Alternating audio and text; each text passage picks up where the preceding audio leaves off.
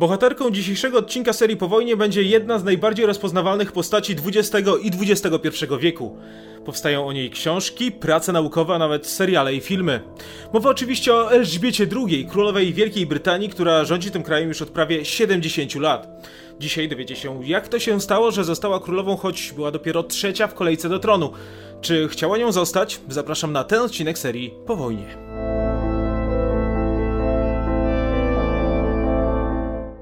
Elżbieta Aleksandra Maria Windsor urodziła się na Bruton Street 21 kwietnia 1926 roku w Londynie.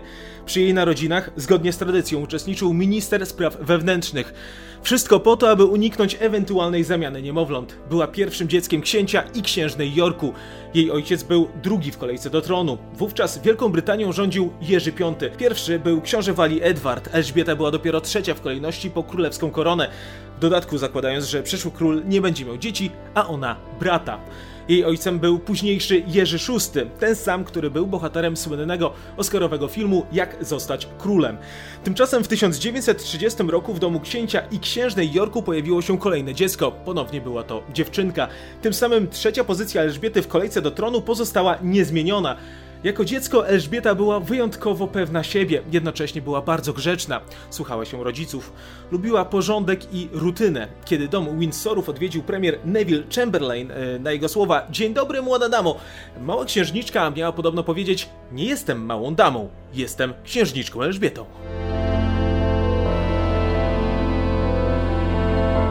Styczniu 1936 roku umarł król Jerzy V. Jego naturalnym następcą był jego syn, Edward VIII. Jednak zakochany w Amerykance Wallis Simpson, dwukrotnej rozwódce, zdecydował się po zaledwie 11 miesiącach rządów abdykować. Wszystko po to, aby móc ją poślubić. Potem wyemigruje z nią do Francji z tytułem Duke'a Windsoru. Jego następcą 12 maja 1937 roku został Jerzy VI, ojciec późniejszej Elżbiety II. Dla niej samej ta sytuacja odmieni życie. Jako sukcesorka tronu będzie przygotowywana do ewentualnego przejęcia władzy. Stanie się sławna. Przy Oxford Street pojawią się gadżety z jej podobizną. Ona sama będzie odseparowana od reszty społeczeństwa. Aby mogła pobawić się z innymi dziećmi, powstanie specjalna grupa złożona z dzieci personelu. Kiedy nadejdzie wojna, jej ojciec stanie się oparciem dla całego narodu. Zyska w oczach Brytyjczyków, odwiedzając zbombardowane przez Niemców w Londynie osiedla. Mała Elżbieta nauczy się w tym czasie strzelać z rewolweru. Będzie to miało na celu podnieść morale obywateli Wielkiej Brytanii i pokazać, że rodzina królewska będzie bronić wyspy do ostatniego wystrzału.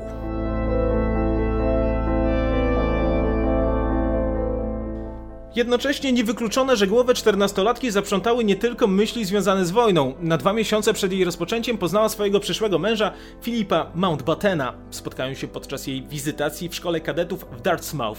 Jako, że w Akademii wybuchnie w tym czasie epidemia świnki, plany Elżbiety zostaną nagle zmienione. Do opieki nad wtedy 13-letnią dziewczynką zostanie wyznaczony 18-letni książę Mountbatten. Razem spędzą ze sobą wtedy dużo czasu. Wojna sprawi, że przestaną się widzieć na długie miesiące. Filip będzie walczył m.in. w Grecji. Cały czas będą jednak pisać do siebie listy.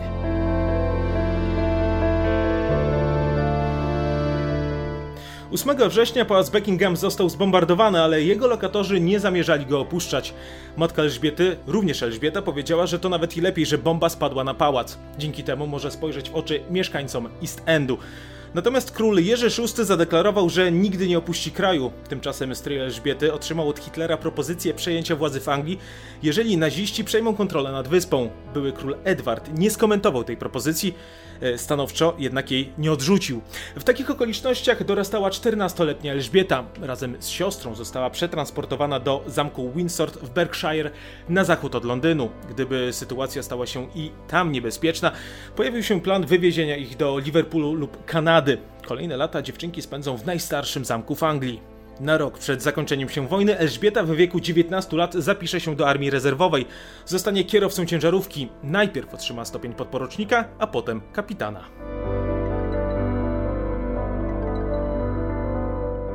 8 maja 1945 roku zakończyła się wojna. Na ulicach Londynu wystrzeliły szampany.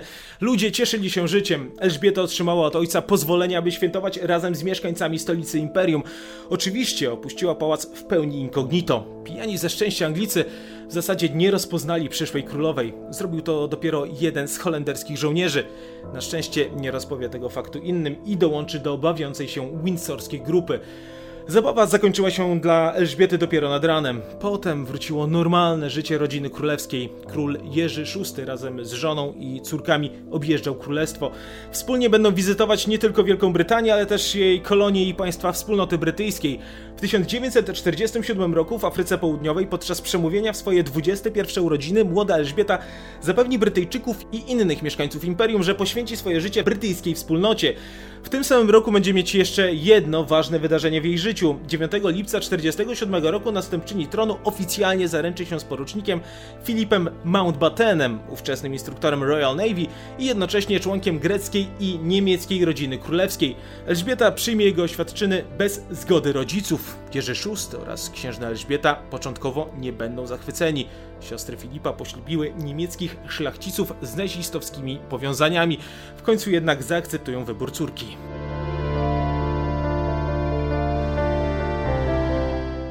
Ale wybranek Elżbiety nie przypadł do gustu również dla części polityków rządzącej wtedy Partii Pracy, którzy zarzucali mu greckie korzenie. Nie bez znaczenia była wojna domowa w Grecji, gdzie tamtejsza rodzina królewska walczyła z komunistami, a ci mieli swoich zwolenników po lewej stronie brytyjskiego parlamentu. W tym czasie Wielka Brytania będzie na skraju bankructwa, dlatego ślub Elżbiety oraz Filipa będzie wyjątkowo oszczędny. Na dzień przed ślubem król nada Filipowi tytuł księcia Edynburga. On natomiast zrzeknie się swoich zagranicznych tytułów. 20 listopada 1947 roku do opastwa westminsterskiego Zaproszeni zostaną jedynie szefowie państw spokrewnieni z małżonkami. Ceremonia będzie transmitowana przez BBC Radio do 200 milionów ludzi na całym świecie. Obrączka księżniczki Elżbiety zostanie wykonana z walijskiego złota. Tort weselny będzie ważyć ponad 200 kg. Będzie wykonany z 80 pomarańczy oraz 660 jaj. Składniki będą pochodzić z różnych stron świata. Para otrzyma ponad 2500 prezentów ślubnych. Wśród nich będą kwiaty od generała de Gaulle'a oraz własnoręcznie wykonana przepaska przez Gandiego. Co ciekawe, na ślub nie został zaproszony stryj Elżbiety, czyli były król Anglii Edward VIII. Miesiąc miodowy para spędzi w Borderlands, czyli w posiadłości Mountbattenów. Po powrocie wprowadzą się do Clarence House w Londynie, gdzie w czasie wojny znajdował się szpital polowy. To tam dowiedzą się, że przyszła królowa jest w ciąży. Jednocześnie utrzymanie rezydencji będzie niezwykle kosztowne. W zasadzie nie będzie ich stać na ten luksus. Uratuje ich dopiero Izba Gmin, która 19 grudnia 1947 roku przegłosuje państwową dotację na rzecz Elżbiety oraz jej męża. Małżeństwo Elżbiety i Filipa będzie związkiem dwóch osób o różnych osobowościach. Co do zainteresowań, to Elżbieta od zawsze była wielką wielbicielką koni. W swoim życiu tylko trzykrotnie spędzi wakacje za granicą. Za każdym razem związane było to właśnie z jej hobby. Królowa nie uważa się za intelektualistkę, nigdy nie lubiła opery i muzyki klasycznej, nie interesuje jej literatura i filozofia. Teatr ją nudzi, za to uwielbia amerykańskie filmy. Kolejne lata mijały, a Elżbieta doskonale odnajdywała się w roli żony i matki. Ten ład zakłóci informacja o chorobie jej ojca. Diagnoza lekarzy będzie dla niej szokująca. Jerzy VI miał raka gardła. Regularne palenie papierosów w końcu dało o sobie znać. W 1951 roku był już bardzo chory. Poddani szybko zauważą, że z królem coś jest nie tak. We wrześniu Jerzy VI przejdzie operację usunięcia lewego płuca. Na niewiele się to jednak zda, ponieważ do końca roku jego stan nie ulegnie poprawie. Będzie nawet coraz gorzej. Tymczasem imperium musiało funkcjonować normalnie. Królewskie obowiązki częściowo przejmie Elżbieta. W 1951 roku spotka się m.in. z prezydentem Stanów Zjednoczonych Harem Trumanem. Na początku następnego roku wyjedzie w imieniu ojca w podróż po krajach wspólnoty narodów. Odwiedzi 15 krajów i wygłosi ponad 150 przemówień. O śmierci ojca dowie się podczas wizyty w Kenii. Jerzy VI umrze 6 lutego w wieku 56 lat. Elżbieta doskonale wiedziała, co to oznacza. Teraz to ona przejmie stery rządów gigantycznego imperium.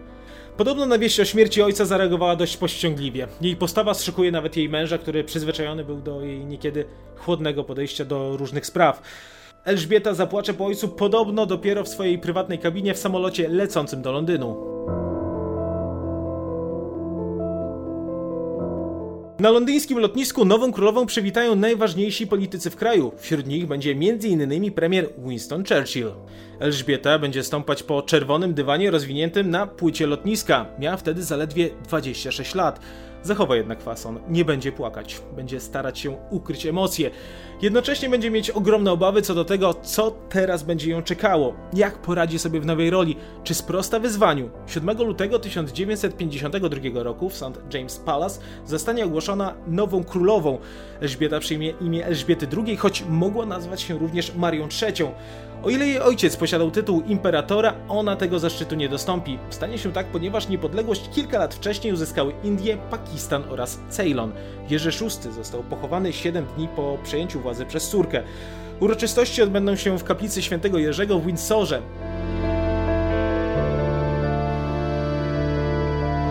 Przejęcie władzy w kraju nie oznaczało jednak, że Elżbieta II została koronowana. Ta uroczystość odbyła się dopiero 4 miesiące później, 2 czerwca 1953 roku. Jak zwykle miejscem koronacji było opastwo westministerskie. Choć było lato, nie było wtedy pięknej pogody. W Londynie padał deszcz. Zresztą, gdzie ma padać, jak nie w brytyjskiej stolicy. W środku świątyni zmieściło się około 7 tysięcy osób. W wydarzeniu będą uczestniczyć oprócz najważniejszych osób w Wielkiej Brytanii również zaproszeni goście z zagranicy. Francję będzie reprezentował minister spraw zagranicznych Robert Schuman. Elżbieta II na sobie będzie mieć suknię ozdobioną perłami i kamieniami szlachetnymi. Znajdą się na niej symbole m.in. Walii, Kanady oraz Australii. 26-letnia Elżbieta zostanie 40. władcą Brytanii licząc od Wilhelma Zwycięzcy, czyli od połowy XI wieku. Młodej monarchini przypięte zostaną insygnia królewskie, czyli ostrogi świętego Jerzego. Otrzyma też królewski miecz, jabłko, pierścień yy, oraz berło. Na ramiona założy purpurowy haftowany złotem aksamitny płaszcz. Tego dnia będzie ślubował również jej mąż Filip, który zadeklaruje jej wierność na całe życie. To on wykrzyknie w tym momencie słynne Boże, chroń królową. Z zamku Tower, zgodnie z tradycją, armaty wystrzelą 61 razy. Co ciekawe, świat być może nigdy nie zobaczyłby koronacji Elżbiety II, gdyby nie jej osobista interwencja. Churchill oraz arcybiskup Canterbury początkowo nie chcieli, aby wstęp do środka miały kamery telewizyjne. Temu sprzeciwiła się młoda królowa, która uznała, że jej poddani zasługują na to, aby to zobaczyć. Co prawda w tym czasie w całym królestwie było zaledwie 2 miliony telewizorów, ale jak podają statystycy, koronację mogło wtedy zobaczyć nawet ponad 270 milionów ludzi na całym świecie. To magiczne wydarzenie, wcześniej dostępne tylko nielicznym, teraz mógł zobaczyć każdy. Koronacja sprawiła, że wzrosła sprzedaż telewizorów nie tylko w Wielkiej Brytanii, ale też w innych krajach. Tylko we Francji sprzedano ich ponad 100 tysięcy.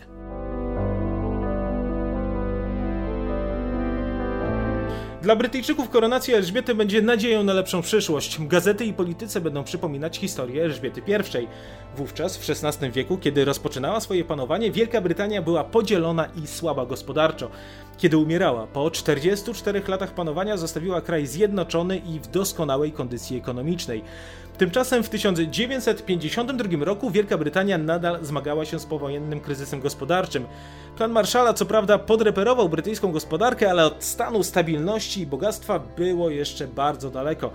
Elżbieta II, przyjmując takie, a nie inne imię oraz zachowując brytyjską dumę podczas koronacji, dawała mieszkańcom imperium znak, że nadchodzą lepsze czasy.